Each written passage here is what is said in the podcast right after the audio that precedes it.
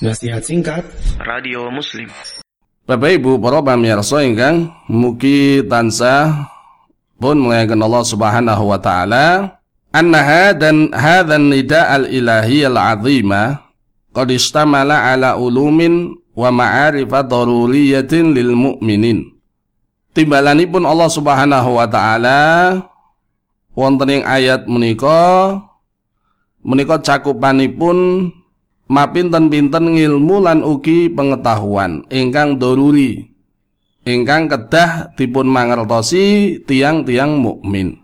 Fahfadhu wafhamhu. Mula monggo nggih eh, sami pun apalaken lan ugi sami pun fahami. Wa'mal bima fihi lan monggo kita amalaken. Fa innahu ma wajjahahu Allah tabaraka wa ta'ala li ibadihil mu'minina illa liyutahhirahum bihi. Saat temene Allah Subhanahu wa taala menika mboten ayat utawi firmanipun dumateng hamba-hambanipun tiang mukmin menika kejabi tujuanipun apa?